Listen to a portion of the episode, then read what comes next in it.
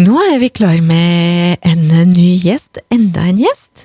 Og det er Marius Larsen, som du kanskje kjenner altså som Primacy, Primer, Primacy Funk. Og hvorfor greide jeg ikke å si det? Hei, Marius. Hører du meg? Hei, hei. Du, utrolig bra. Du klarte på forsøk nummer tre. Det er bra. Ja, ja. Jeg skulle styre spakene samtidig, jeg ble helt forvirra. Ja, velkommen til Musikklikartorsdag. Tusen takk for det. Håper alle har en fin torsdag. Det er i alle fall jeg. Ja. Her i regnet. Ja, ja kjempefint. Men du, du, ja. det, du var så snill og tillate oss å spille en, en ny låt som, som, du skal slippe ut snart, som er ikke tilgjengelig riktig ennå? Det er riktig. Det er ikke mange timene igjen, da. Den kommer ut eh, ved midnatt. Gjør den.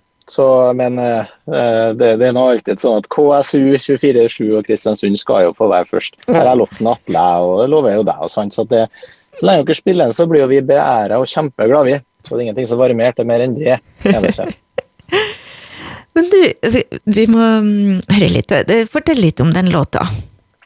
Ja, fortell litt om den låta. Uh, uh, vi jo, var jo ferdig med den, tror jeg, i mars i fjor. Uh, vi tenkte jo at det skal være den låta som skal kanskje være med å gi oss et lite løft. da. Vi har jo uh, sittet altfor mye i studio vet du, det siste, siste året. har vi.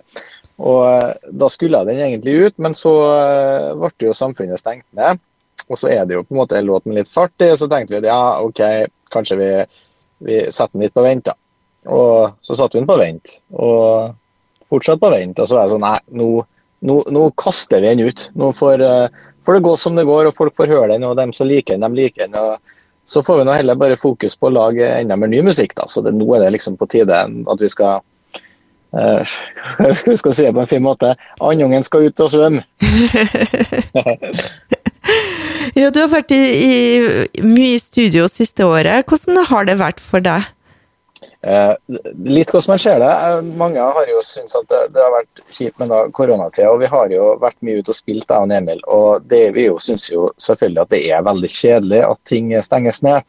Eh, på en annen side eh, så er det sånn at når vi har vært ute og spilt, så har vi fått litt eufori av å spille musikken for folk og se reaksjonene. Eh, nå har vi fått mye mer tid til å lage musikk i studio. Mye mer behagelige eh, helger som ikke har vært så fulle av stress, der vi kan bruke tida på det vi sjøl ønsker å bruke den på. Så for, for, vår del har det jo egentlig vært positivt sånn rent musikalsk, egentlig. Uh, vi endte opp i fjor med å slippe uh, syv låter og to remixer. Så vi har jo aldri hatt et så produktivt år som vi hadde i fjor. Men sant, når man en, tenker litt mer artister enn produsent, da, så når, når, vi sitter og lager låtene, så er det jo en befrielse også, at det sendes ut til folk. Folk liker musikken, andre folk kan spille den andre plasser. Så det er jo egentlig for the greater good. Og, her, det, det hvis jeg ikke tar helt feil, jeg har jo øh, fulgt med litt hva som skjer eh, med Primacy Funk, og så skjønner jeg at det, det er folk utafor Kristiansund som har oppdaga dere? Uh, nei, det, det, har litt med tilfeldigheter å gjøre, tror jeg.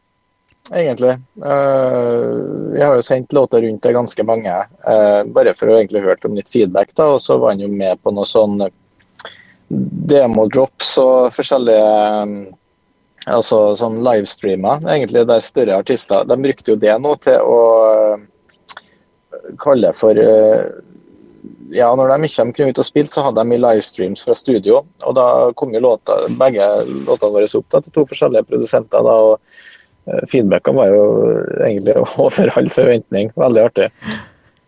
Så vidt jeg skjønner, altså for dem som er, som er litt bevandret i i, i den verden så er det Don Diablo og Nikki Romero. Kan du fortelle litt om dem?